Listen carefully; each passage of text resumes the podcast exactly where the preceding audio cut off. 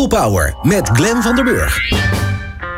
Al jaren zijn we bang dat door technologie steeds meer banen gaan verdwijnen. Het World Economic Forum voorspelde in 2018 dat 50% van ons werk in de komende vijf jaar overgenomen wordt door robotisering. Maar is dat wel zo?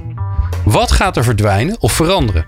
En wat kunnen organisaties eraan doen om zich erop voor te bereiden? Ik ga in gesprek met Jannes ten. Hij is onlangs gepromoveerd aan de Universiteit Utrecht op zijn onderzoek naar de invloed van technologie op het beëindigen van een baan. En adviseur ondertussen bij Future Consult. En Job Spoelstra is de gast. Hij is innovatiemanager bij Techno Technolution. Wil je nou de nieuwste afleveringen van People Power op je smartphone via WhatsApp? Sla ons nummer dan op onder je contactpersonen 06 45 66 75 48. Stuur ons een berichtje met je naam en podcast aan en dan sturen we de nieuwste afleveringen direct zodra ze online staan. Fijn dat je luistert naar People Power. People Power met Glenn van den Burg.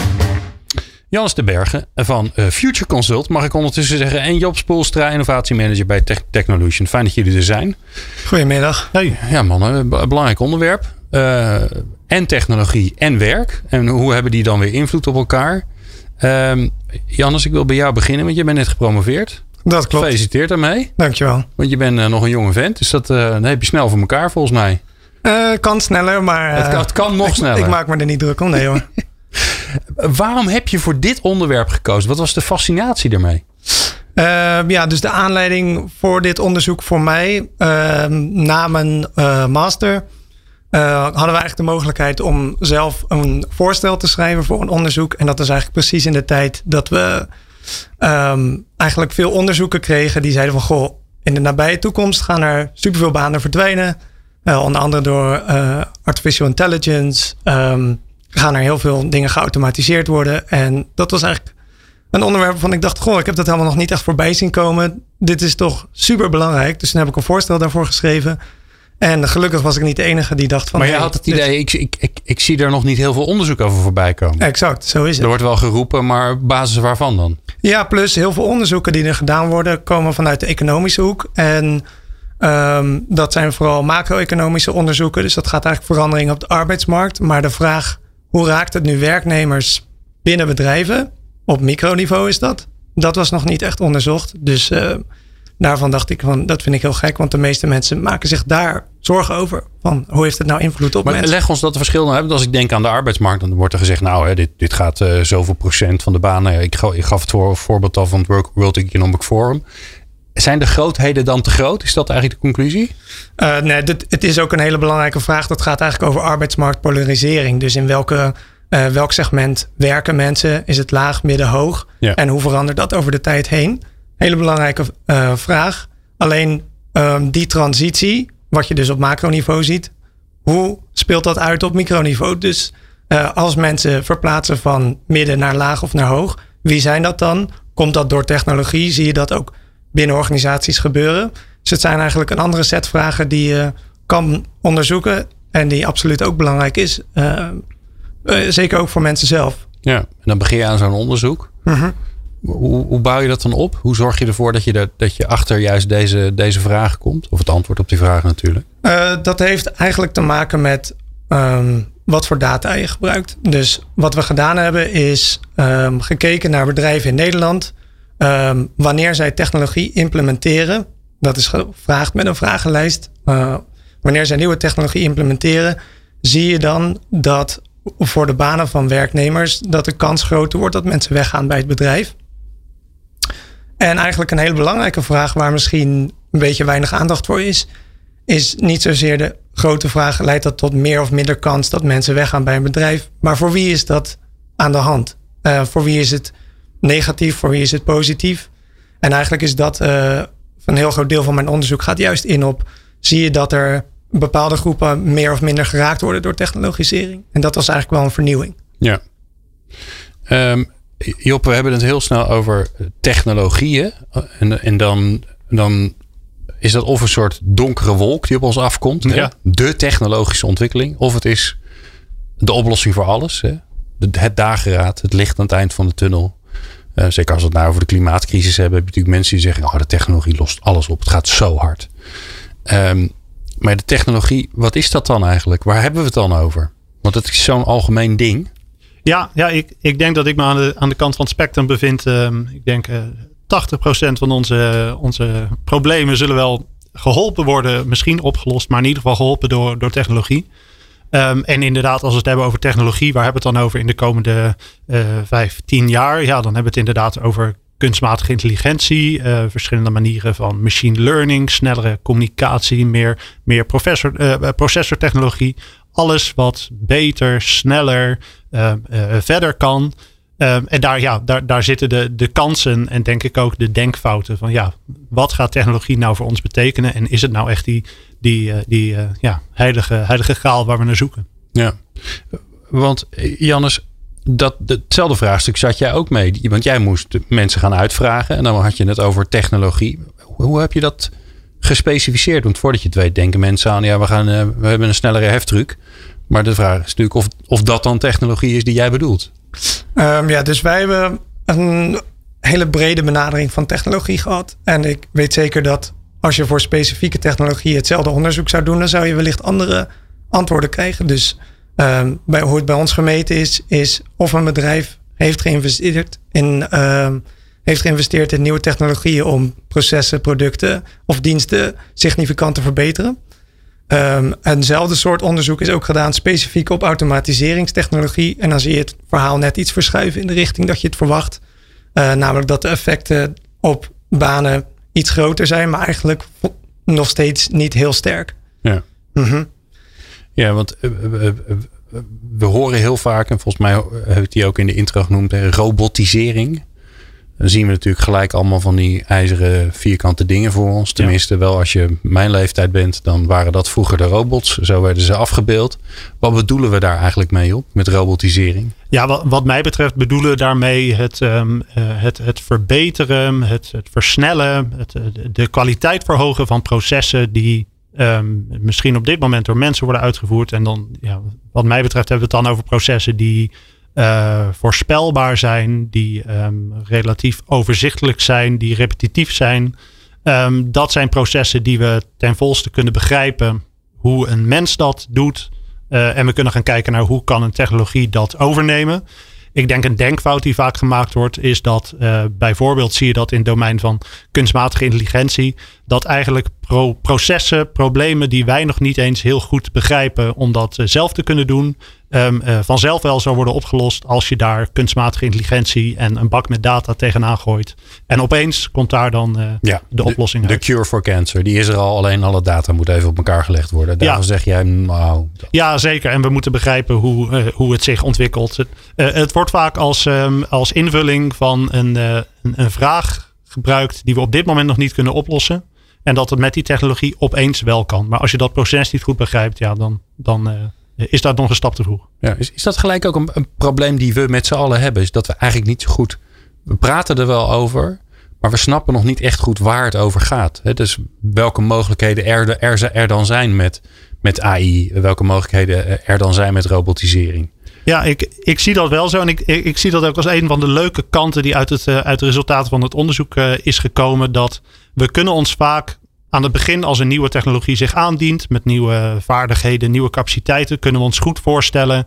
Wat gaat dit um, vervangen van wat wij nu kennen? Wat, wat zijn de mensen die we nu kennen, de rollen die we nu kennen? Hoe gaat dat zich vervangen? Ja. Waar we niet zo goed in zijn, is bedenken wat gaat dat ons brengen in de toekomst aan dingen die we nu nog niet kennen? Dus wat voor uh, uh, rollen, banen, uh, wat voor vaardigheden zijn er voor nodig? De, die technologie, en daarom vind ik mijn, mijn werk en, en, en, ons domein zo leuk, dat voorstellingsvermogen, dat gaat je gewoon, gewoon te boven. Dus dan moet je stap voor stap bereiken, bekijken wat er dan gebeurt, bedenken hoe je dat kan verbeteren. En dat, dat, ja, dat je ziet dat je aan de voorkant heel slecht kan voorspellen wat gaat het ons nou in de volle breedte brengen aan het einde van de rit? Ja. Nou, ja. Hoe pak jij dat dan op in je onderzoek, Jannes? Want je vraagt mensen om een voorspelling te doen van iets uh, waarvan ze eigenlijk, of vraag je überhaupt om een voorspelling te doen? Nee, dat is al een aanname van mij eigenlijk. Uh, nee, het gaat niet om een voorspelling, maar ik wil daar wel graag op inhaken. Want wat het, en ik ben het er deels mee eens en deels niet mee eens. Want ik denk juist dat als we het over technologie hebben, dat we um, eigenlijk snel een soort narratief kunnen creëren of een voorstelling van, nou oké, er, komt een bepaalde vorm van technologie, een beetje robot, spreekt heel erg tot de verbeelding. En dan kunnen we het eigenlijk wel bedenken van als je op jouw specifieke vakgebied uh, die nieuwe technologie plakt. Uh, wat gaat er dan veranderen met de taken die wij bij ons bedrijf bijvoorbeeld hebben? Maar het is veel moeilijker om eigenlijk die technologie in een context te plaatsen uh, van ja, die, een sociale context, een economische context. Er moet, een bedrijf moet erin kunnen investeren. En dat geld moet er zijn. Je moet je cybersecurity helemaal op orde hebben. Mm. Um, en je hebt ook wettelijke beperkingen. Dat is eigenlijk een van de redenen waarom het vaak niet zo snel gaat als dat. Zeg maar, we kunnen de technologie ons wel voorstellen. Maar het is veel moeilijker om het in een sociale economische context te plaatsen. Waardoor het misschien niet zo snel gaat als dat het technologisch mogelijk ja. uh, zou zijn. En dat is misschien ook wel een deel, een deel van de antwoord op de vraag van hoe komt het nou dat, dat we nog niet zo ver zijn als dat het eerst voorgesteld werd. Dus dat je hebt dat stukje.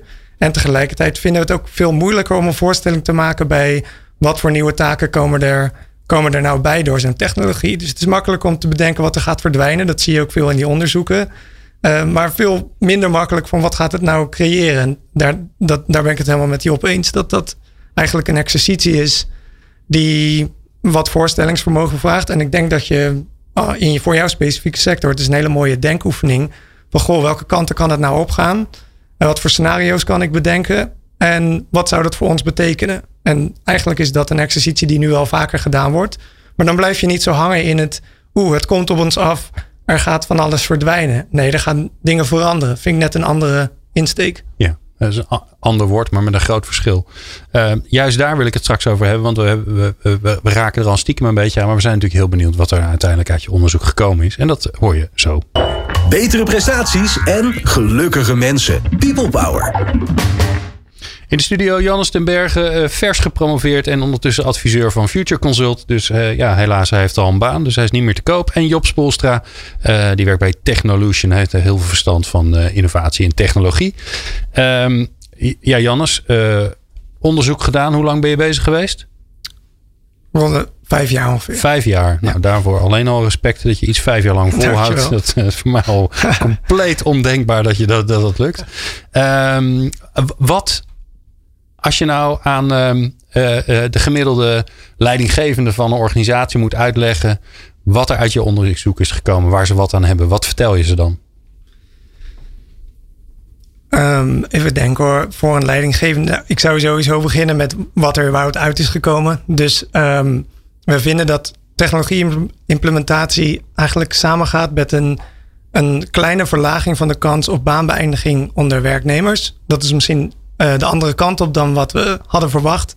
Omdat veel mensen denken dat uh, technologisering juist gepaard zou gaan met minder uh, benodigdheid van. Okay, je moet even de conclusie even herhalen, want er zitten al heel veel termen in waardoor mijn brein al moet nadenken. Ja. Dus technologie, investering in technologie leidt tot. Minder kans dat mensen weggaan bij een bedrijf. Oké, okay, dat is inderdaad precies het tegenovergestelde van wat je zou verwachten. Ja, exact. Um, alleen, ja, dus de vraag is een beetje, um, hoe kan dat? Ja, nou, hoe hadden, kan dat? We hadden net al kort natuurlijk uh, wat dingen aangestipt die daarmee te maken kunnen hebben. Kan aan de ene kant komen omdat het niet zo snel gaat als, als je zou denken. Omdat die context maakt ook uit. Uh, je kan niet zomaar mensen ontslaan in Nederland. Misschien dat het in de VS net anders uit zou zien bijvoorbeeld. Waar min, mensen minder bescherming genieten. Um, het is interessant vervolgonderzoek. Hè? Dat als je zeg maar op... Um, uh, uh, op jaar één een flinke investering doet in technologie, hoe mm lang het dan duurt voordat misschien wel plaatsvindt, of misschien vindt het dan nooit plaats. Ja, het maakt, maakt eigenlijk bij nadenken over dit soort van implicaties van technologie voor de toekomst zeker uit wat voor tijdspectrum je neemt. Dus het kan misschien op de korte termijn meevallen, maar dat zie ik ook veel reacties op mijn proefschrift van mensen die zeggen: ja, maar wacht nou even, hoger opgeleiden die zijn toch op een gegeven moment ook aan de beurt, accountancy of uh, misschien sommige epidemiologie of of verschillende plekken waar, ze, um, waar, die ook, waar die technologie ook kan doordringen. En dan zeg ik, ja, oké, dat is misschien wel net het verschil van. Ik heb nu tussen 2000 en 2015 uh, data geanalyseerd. Maar misschien gebeurt er iets heel anders in de komende 15 jaar. Dat zou kunnen. Natuurlijk, maar het is alleen al interessant om te zeggen: in een, in een tijdsperiode van 15 jaar is de globale, de algemene conclusie dat het niet leidt tot tot mensen die hun baan verliezen, maar dat het leidt tot minder mensen die hun baan verliezen. Ja, en dat is dan weer precies het andere kant van mijn onderzoek. Want dat gaat eigenlijk over van goh, het kan wel zo zijn dat je dat patroon ziet voor de gehele groep. Maar als je die opsplitst in verschillende groepen, van zie je dit effect voor alle mensen of is het ongelijk verdeeld? Dus Ehm, je ziet ook dat ten opzichte van hoger opgeleide, uh, ten opzichte van hoger opgeleiden zie je dat de kans op baanverlies toeneemt onder lager opgeleiden.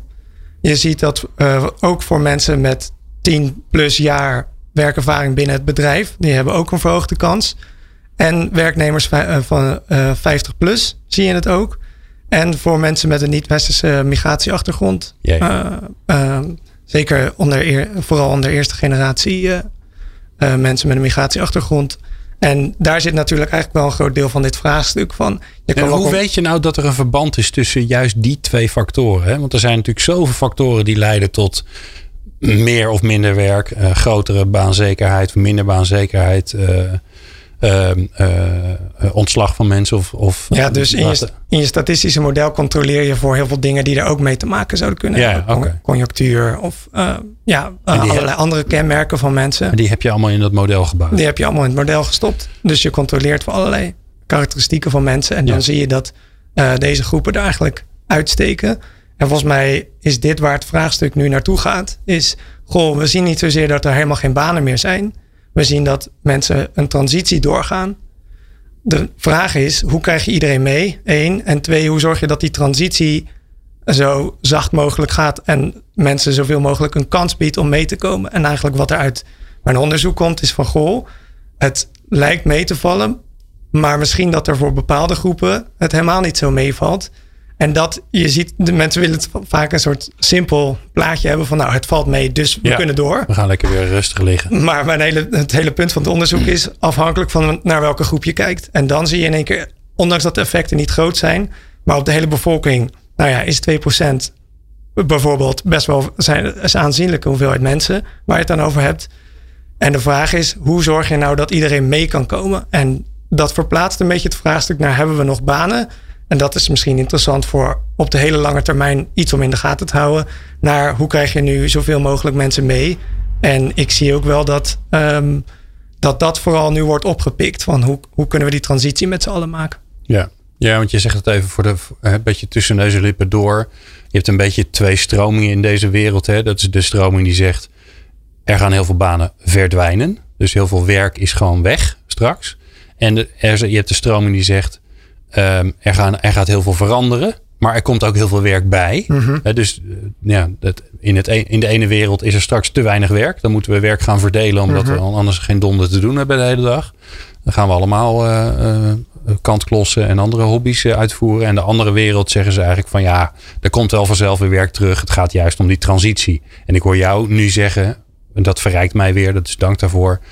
Die, die transitie die gaat bij, de, bij veel mensen best oké. Mhm. Maar bij groepen die nu al kwetsbaar zijn, want die noem je eigenlijk, mhm. gaat het juist niet, gaat het minder oké. Of die, die hebben het er moeilijker mee. Dus daar moeten we aandacht voor hebben, zou ik dan die zeggen. moet je ondersteunen om die transitie goed te kunnen maken. En ik, ehm, ik denk zeker dat het vraagstuk vooral hier op dit moment over zou moeten gaan. Ehm, bijvoorbeeld als je zegt op de lange termijn zijn er misschien minder banen nodig.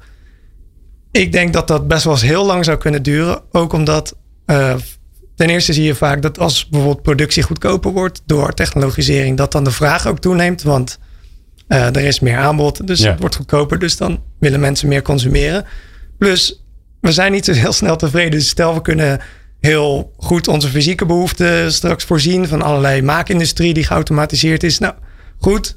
Maar je ziet dat nu ook. Je hebt heel veel mensen met geestelijke uitdagingen, uh, met burn-out klachten. Ja. Uh, Volgens mij is naar de psycholoog gaan een stuk normaler geworden in de afgelopen ik decennia. Denk, eh, volgens mij is in Amsterdam de helft van, uh, van de mensen is yoga-instructeur tegenwoordig. En uh, die verdienen nog aardig geld mee ook. Dus, uh, ja, dus ik denk dat... Hadden we niet verwacht 20 jaar geleden. Nee, exact. Dus er komen eigenlijk, zeg maar, we, we, willen vragen, we willen het graag hebben over wat voor taken komen door technologie erbij. Je zou kunnen zeggen, door technologie hoeven we bepaalde taken, hebben we zeg maar, aan een bepaalde behoefte makkelijker voorzien. Maar wij mensen hebben dan weer een nieuwe behoefte.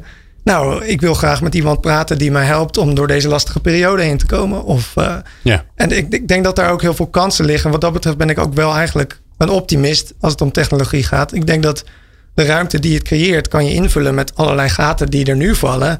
Je hebt gigantisch veel mensen die hartstikke eenzaam zijn. Uh, we willen misschien meer tijd met onze kinderen doorbrengen. Al is dat misschien nu een beetje taboe om dat nu te zeggen in deze tijd. nog meer tijd. Ja, nog meer tijd. maar ja, goed. Dus of ons nee, Maar ja, we hebben denk... tekorten in de zorg, tekorten in het onderwijs. We hebben mensen die best wel het onderwijs in zouden willen, maar die allerlei redenen hebben verzonnen om dat niet te doen. Of het systeem laat het niet toe. Nou, exact. Dus ik denk voorlopig dus hoeven we ons echt nog niet achterover te leunen van alles is gedaan en uh, ja. we gaan in het gras liggen. Ik denk dat, we, ja. dat er genoeg te doen is in die zin. Maar die transitie, hè, want die staat eigenlijk centraal. Hè? Dus jouw onderzoek laat zien, enerzijds, um, overall uh, in de afgelopen 15 jaar hebben we ons eigenlijk 15 jaar geleden hadden we ons geen zorgen hoeven maken als we die 15 jaar vooruit zouden kijken. Als we het dan hebben over de invloed van technologie op onze, ons eigen baan. Mhm. Eh, een aantal groepen wel. Die hebben eigenlijk meer ondersteuning nodig en een beetje meer aandacht nodig om die transitie makkelijker te gaan maken. Ja. Ehm, maar als we hem doortrekken naar de toekomst, denk ik dat we wel kunnen zeggen: ja, de, technologische ontwikkelingen die zijn voorlopig nog niet klaar. Want we zitten midden in de, nou ik weet niet welke, welke revolutie zitten we nu ondertussen in Job. En daar heb jij dan weer verstand van. Ik, heb, uh, ik heb vanochtend nog op mijn telefoon gekeken, maar uh, uh, ik denk dat we intussen in de vierde zitten. Ja, is dit, is dit dan de internetrevolutie? Is het, welke revolutie zijn we? Ja, internet, er zijn zo, zoveel nieuwe termen allemaal. Ja, de, ik weet niet, de, de blockchain 5G revolutie. ja, dat gaat alles veranderen, toch? Ja, natuurlijk. Ja, ja. Wat, wat vind je trouwens van, dat vind ik een beetje zijstel, maar er zijn natuurlijk best wel wat uh, mensen die op een podium gaan staan en dan heel hard roepen. Het gaat allemaal heel snel. En uh, als je nu niks doet, ben je de Kodak van, uh, van 2021. Oftewel angst inboezemen voor technologie. Straks mis je de, mis je de boot. Je wordt er, je wordt er ja. uit gedisrupt. Ja, ja, ik, ik, herken de, ik de boodschap. En voor, voor sommige organisaties zal dat uh, zeker gelden. Wat dat betreft, uh, stilstand brengt risico's met zich mee. Uh, de andere kant is ook waar. volledig klakkeloos inzetten op één nieuwe technologie of hype die je laatst in nou, de allerlaatste podcast hebt gehoord. Dat brengt ook risico's met zich mee. Dus ja, wat dat betreft ben ik er wel voorstander van om altijd goed naar de toekomst te blijven kijken. Wat gaat technologie ons nou brengen en wat voor uh, functionaliteit gaat dat ontketenen? Maar die, die gedachteoefening blijven herhalen um, elk, elk jaar. En um, niet volledig te denken, goh, blockchain of welke andere hype, dat wordt, dat wordt een nieuwe toekomst. Maar, maar dat is natuurlijk wel een probleem hè, vanuit organisatieperspectief. Dat er, er gebeurt zoveel hoe, hoe zorg je dat, dat ah, hè, laten we eens maar even breed trekken, dan gaan we straks wel naar het individu. Hoe, hoe zorg je dat je dat je bijblijft, dat je alles nog snapt, dat je de kansen nog kunt inzien, dat je kunt inschatten. Hier moet ik nu wel instappen, daar die moet ik even lekker laten gaan, want dat, die zitten nog zo erg in de beginperiode, dat gaat hem nog niet worden. Dat is natuurlijk ongelooflijk complex. Ja, nou, in ieder geval is het denk ik eh, goed om, uh, om nuchter te blijven. En, en goed te kijken naar wat zijn nou de, de, de, de competenties, de vaardigheden. Wat is nou de, de kern van mijn organisatie die mij mijn, mijn right to play geeft. En gaat zo'n zo'n hype die niet meer van, van tv te slaan is, zeg maar. Gaat dat nou echt een revolutie brengen bij mij? En zo ja, dat zou kunnen natuurlijk. Wellicht uh, uh, zal blockchain je hele business case volledig om, omdraaien. maar moet je daar dan nu al volledig op inzetten? Of kun je een, is een pilot draaien om te begrijpen wat, wat doet die technologie? Hoe kunnen we dat verder gebruiken? Ehm, in ieder geval niet um, je mee te laten slepen door zo'n hype. Te denken, dit gaat het worden. Als we dit nu niet doen, dan zijn we te laat. Maar stapsgewijs te blijven kijken, nuchter te blijven kijken. Wat zijn de onderscheidende vaardigheden van zo'n technologie? Hoe relateren die aan de vaardigheden van mij als organisatie? En um, uh, als die overeenkomen, dan, uh, dan is het nuttig. En is dat uh, een heel andere technologie, raakt dat mijn domein een stuk minder, raakt niet te veel in paniek. Ja. wat ik zo met jullie wil, wil bespreken is um, ja, die, die transitie. Hoe, hoe kun je nou collega's helpen in je organisatie om, om die transitie te maken? En hoe je dat dan gaat doen, dat hoor je zo. Experts en wetenschappers over de kracht van mensen in organisaties. People Power. Jannes den Bergen van Future Consult en Job Spoelstra van Technolution zijn te gast. Ja, we praten over um, het effect van technologie. Gaat dat er nou voor zorgen dat uh, banen gaan verdwijnen? Dat jouw baan misschien wel gaat verdwijnen? Uh, of niet? Uh, en wat je daar dan aan moet doen? Nou, de conclusie is eigenlijk een beetje...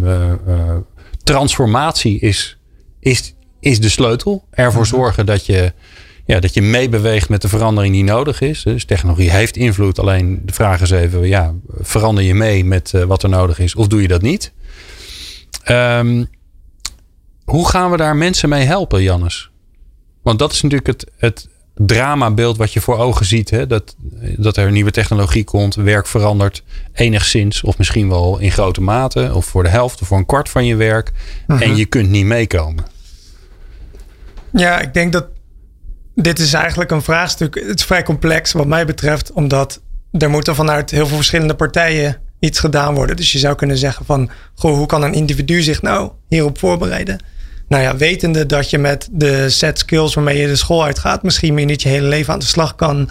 en een open blik houden om nieuwe dingen te leren... en er ook vanuit te gaan dat dat op een gegeven moment moet gaan gebeuren... dat is natuurlijk één ding, ligt bij het individu. Maar een heel groot deel van dit vraagstuk ligt eigenlijk binnen organisaties... en misschien op één niveautje hoger nog wel...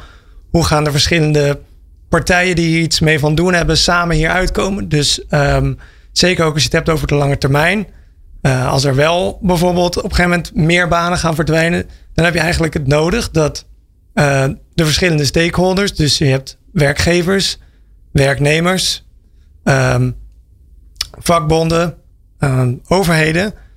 We hebben in Nederland een prachtig mooi poldermodel gehad. Of Dat hebben we nog steeds. Ja. En die komen eigenlijk altijd op onwaarschijnlijk goede wijze uh, tot, een, tot overeenkomsten om te zorgen dat inderdaad problemen als van zorgen, kunnen we zorgen dat iedereen mee kan komen, uh, om dat samen op te lossen. En aan de ene kant is er investering in werk, werknemers. Dus je, je kan eigenlijk zeggen van goh, of we nemen die nieuwe mensen aan die die vaardigheden al hebben, of we zeggen we gaan de mensen die we al hebben uh, heropleiden, zodat ze binnen onze organisatie verder kunnen of een transitie kunnen maken. Uh, en ik denk dat je daarbij is het heel erg van belang dat die verschillende partijen waar ik het net over had, eigenlijk samen met een plan komen. Want je kan het niet alleen maar bij uh, werkgevers leggen. Want ik denk dat heel veel werkgevers willen heel graag dat ook de kennis die mensen hebben van binnen de organisatie, dat die niet zomaar vertrekken. Maar ze willen wel die transitie door kunnen maken. En dan heb je eigenlijk ondersteuning nodig vanuit uh, overheden, vanuit uh, werkgeversverenigingen. Om iedereen moet een stukje van die investering maken. En je kan niet naar elkaar gaan wijzen van, nou ja, los jij het maar op. Uh, nou ja, en ik denk dat dat iets is waar we eigenlijk heel goed in zijn. En een traditie is die we niet zomaar overboord kunnen gooien. Deze die gaan we straks nog doen, hè? want die is best wel ingewikkeld. Want, uh -huh. want het, het, vraagt veel van allerlei verschillende stakeholders rondom die werkende. En, uh -huh. en, en we hebben daar een heel goed werkend systeem. Het gaat alleen niet zo heel snel. Hè? Kijk maar naar het pensioenakkoord. Dat heeft een -huh. paar jaar geduurd. Um, maar laten we eens even naar het niveau van de organisatie gaan kijken. Dus uh, daar, heb je leidinggevenden, die hebben een belangrijke taak erin. Daar heb je een, een, een HR-afdeling uh, uh, of een HR, of een PNO-verantwoordelijke die, die daarvoor zit. Um, wat, wat, wat zou je ze adviseren, Job? Ze, ze bellen bij je aan, ze zeggen: Joh, Job, hier heb je een mooie opdracht, hier heb je een zakje met geld. Help ons nou eens, wat moeten we doen? Nou, wat ik belangrijk vind voor organisaties om een open blik naar, naar de buitenwereld en naar de toekomst te houden, is om mensen in de organisatie te hebben die zich echt bezighouden met de middellange termijn. Dus dan heb ik het echt over um, uh, vijf jaar vooruit kijken als het niet langer is. Uh, je ziet dat bij veel organisaties, en dat is ook heel begrijpelijk, daar geen, geen uh, ruimte voor is. Zeg maar, de focus ligt even op hier en nu en morgen en, ja. en misschien de week daarna. Uh, maar op het moment dat je, dat zie je bijvoorbeeld in de logistieke sector, waar organisaties zijn die mensen in, in, uh, in dienst kunnen hebben, die uitsluitend kijken naar ja, hoe gaat nou um, elektrificering, hoe gaat nieuwe databronnen, hoe gaat uh, um, afstemmen van, nou noem eens wat, zeecontainers internationaal, hoe gaat het mijn business nou beïnvloeden? En die een beetje een gevoel ontwikkelen, een gut feeling van ja, welke onderdelen hiervan gaan nou relevant worden en wat is de snelheid die eraan hangt. En als je daar een gevoel voor hebt, dan kun je gaan kijken wat betekent dat dan voor mijn organisatie qua business case. Maar okay, ook dus jij, jij zegt eigenlijk, je hebt mensen nodig die die, die, die die technologie in de gaten houden en die ook kijken van wat betekent dit op de middellange termijn.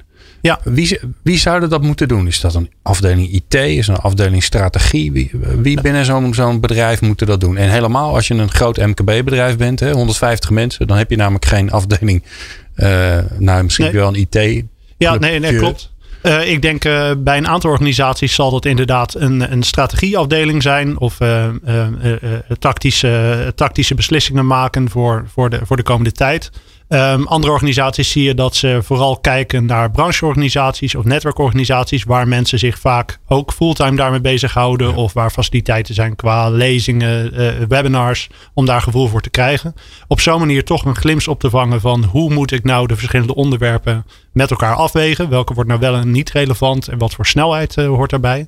Um, en ja, het is een heel begrijpelijke, maar ook wel echt een beetje gevaarlijke valkuil om te blijven zitten in de, de, de korte termijn van je day-to-day business. En daar vandaan te redeneren, ja, hoe gaat de toekomst eruit zien? Ja, vanuit zo'n perspectief gaat de toekomst er hetzelfde uitzien als vandaag. Ja, ik weet niet hoe de toekomst eruit gaat zien, maar kan je wel garanderen, niet zoals vandaag. Nee, uiteindelijk gaan we het anders doen. ik heb ooit eens een keer iemand, en ik weet niet meer wie het was, dus ik kan hem de credit, credits niet geven, maar die, die, um, toen hadden we het ook over dit onderwerp. En die zei: Je moet je, moet je, je organisatie helpen om te leren spelen met technologie. Hè? Dus stel je voor dat, um, dat je in de logistiek zit. Uh, koop een drone. Zet dat ding gewoon neer. Um, geef je collega's uh, uh, de sleutel van de kast waar dat ding staat. En laat ze er gewoon mee klooien. Want dan kom je er vanzelf wel achter wat je ermee zou kunnen. Wat het, of het krakkemikkig is en eigenlijk nog helemaal niet werkt. En zegt van ja, weet je, dat duurt nog even, maar misschien over vijf jaar. Um, dat is misschien met, met blockchain wat ingewikkelder, maar ook misschien ook weer niet. Um, hoe, hoe kijken jullie daarnaar? Dus het, het, nou, met, het, de drempel wat verlagen van de serieusheid ook van technologie. Ja.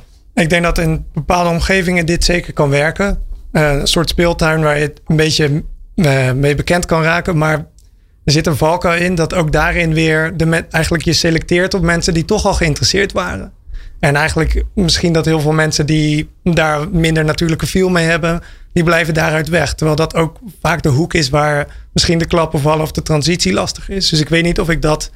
Um, nou ja, dat, dat kan een onderdeel zijn van, maar ik denk niet dat dat alles helend is. Uh, en ik wil ja. nog ook wel even graag reageren op de uh, vorige vraag. Bijvoorbeeld bij mijn huidige werk, wat we dan doen om organisaties te helpen om gestructureerd over de toekomst na te denken, is bijvoorbeeld door middel van scenario planning. Dus dan maak je verschillende scenario's over de toekomst. Wat voor trends zijn er belangrijk? Uh, wat voor ontwikkelingen? En wat je dan eigenlijk, om die vertaling naar strategie te doen, ga je het eigenlijk hebben over um, welke trends zijn dat? En wanneer is er een, een punt waarin je zegt: kijk, als het daar is, als dat echt is gebeurd, dan gaan wij serieus stappen zetten. En eigenlijk betekent dat dat je dus een systeem van monitoring hebt. En eigenlijk vind ik dat monitoring. Wordt eigenlijk misschien te weinig mee gedaan. Ook als je het hebt over bijvoorbeeld wat overheden of verschillende plekken kunnen doen. Als je nou iets hebt wat continu eigenlijk bijhoudt. Wat is de trend? Waar gaat die naartoe? En dat je van tevoren hebt nagedacht. Als die trend dat punt bereikt. Dan, dan gaan we heel serieus volgende stappen nemen. Die we al min of meer opgezet hebben. Dus dan bereid je eigenlijk voor op verschillende scenario's die tipping points hebben waar je dan acties aan verbindt. En dat is een manier om gestructureerd na te denken over een toekomst die heel ongewis is. Ja. En ik denk dat dat een hele mooie is, waar ook wel meer aandacht nu voor komt. Uh, want dat haalt het een beetje uit het. We moeten nu iets doen met iets wat heel uh, ongrijpbaar, ja, moeilijk, is, ja, ongrijpbaar is. En dan blijft het een soort van: je wil nu actie voor iets wat, waarvan je nog niet weet welke kant het op gaat. Versus hoe kunnen we ons voorbereiden op een mogelijke verandering en wat zouden we dan doen? Dat is makkelijker concreet te maken. Ja, eh, ik wil zo um, met jullie afsluiten, om, want ik maak me daar toch nog een beetje zorgen over hoe we um, die wat kwetsbaardere doelgroepen, hè, die nu al het moeilijker hebben eigenlijk op de arbeidsmarkt. En die, waarvan jouw onderzoek aan, mm aanwijst, Jannes, dat, dat, uh, dat dit er niet bij helpt, laten we het zo maar zeggen. Hoe we, hoe we hen kunnen helpen uh, om die digitale transitie soepeler te maken. Dat hoor je zo. Leiderschap, leren, inzetbaarheid en inclusie. De laatste inzichten hoor je in People Power. Jannes ten Bergen en Job Spoelstra zijn te gast. Um, ja, Jannes, hoe, hoe gaan we die kwetsbaar... Ja, ik vind dat vervelend om mensen zo te noemen... maar dan snappen we in ieder geval waar we het over hebben. De doelgroepen die het al wat lastig hebben op de arbeidsmarkt... Hè, dat zijn de 50-plussers, ik over een jaar. Um, uh, even kijken, mensen met een niet-westerse etnische achtergrond. God, wat een ingewikkeld maakt het. Ja, migratieachtergrond. Ja, over, over twee jaar mogen we dat natuurlijk ook niet meer zeggen. Dat verandert natuurlijk elke keer. Um, en er was er nog één. Ja, de lager opgeleide ten oh, opzichte van hoger opgeleide. En je hebt de mensen die heel lang binnen een bedrijf al werken. Oh ja. En het probleem daar, wat je daar kan hebben, en dat is misschien met oudere werknemers ook wat het geval, is dat uh, de, de vaardigheden die ze hebben, die worden misschien minder waard als een technologie delen daarvan uh, kan vervangen. En ja, dan zijn het in één keer misschien relatief dure werknemers. Ja, en dan, dan is de vraag hoe, uh, hoe, hoe krijg je mensen mee? Hoe kunnen we ze helpen? Vanuit organisatieperspectief, hè? want veel mensen die naar ons luisteren, die, die zitten in een, in een bedrijf. Nou, voor mij in, in mijn onderzoek zit hier eigenlijk twee kanten aan. Aan de ene kant kan je zeggen, nou, je moet mensen nieuwe vaardigheden aanleren die complementair zijn aan die technologieën. Dat is eigenlijk het meest simpele antwoord en daar wordt ook heel veel op ingezet. Je moet de mensen trainen, je moet mensen omscholen. En ik denk zeker dat een heel groot deel van het antwoord uh, daar zit. Moeten mensen wel, werkgevers, of misschien dan moeten we wel een plan hebben over hoe we dat dan gaan doen. Want het is niet altijd de meest aantrekkelijke optie, misschien in eerste instantie. Nee, mensen moeten er ook zin in hebben, natuurlijk. Nou, mensen moeten er zelf zin in hebben. En wat je nu wel eens ziet, is dat bijvoorbeeld werkgevers niet altijd staan te popelen om mensen die niet heel lang meer bij het bedrijf gaan werken, ook nog eens te gaan omscholen of heropleiden. Dus dat is eigenlijk iets wat denk ik dan een, een bredere verantwoordelijkheid wordt dan van alleen een bedrijf.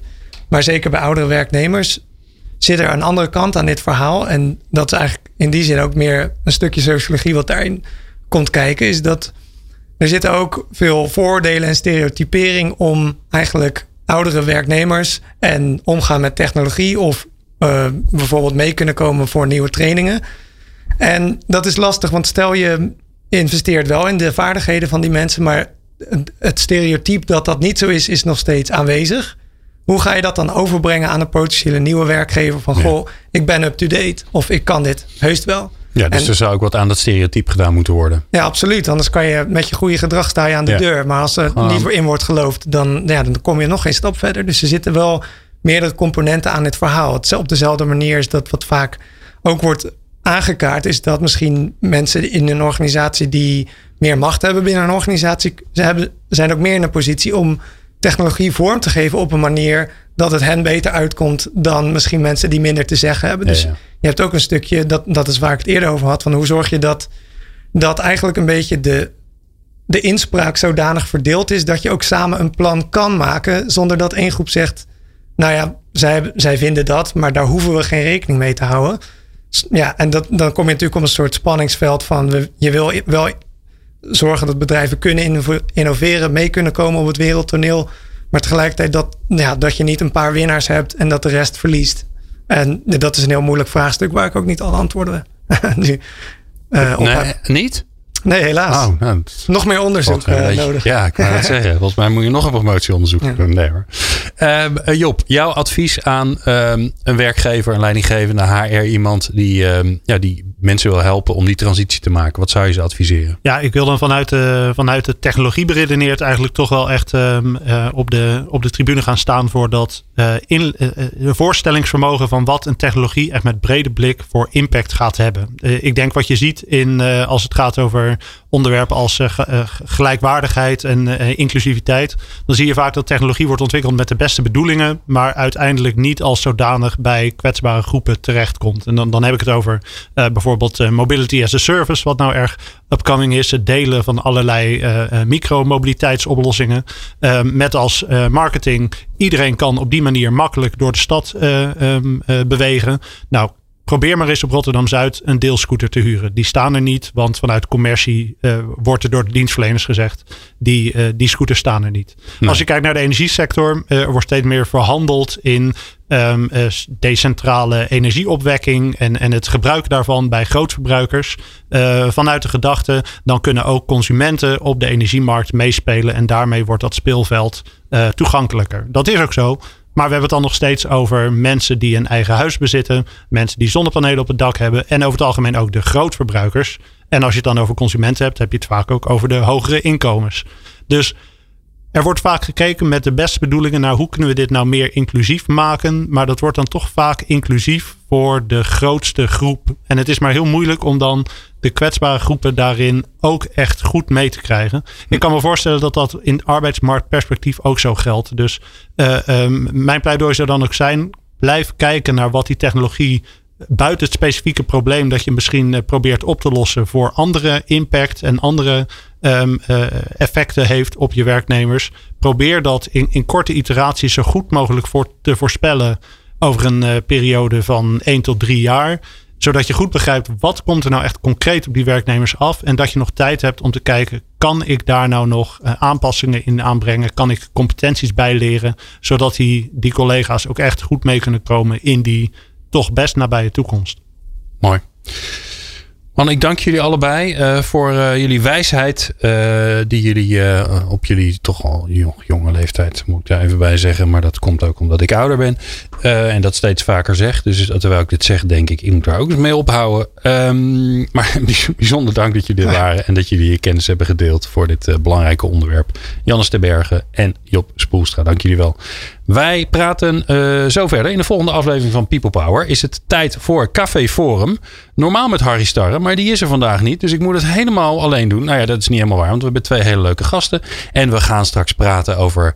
Uh, ja, we zijn aanbeland bij de letter J. En dan gaat het over jeugd. En dat hoor je zo. Meer afleveringen vind je op peoplepower.radio en jouw favoriete podcast-app.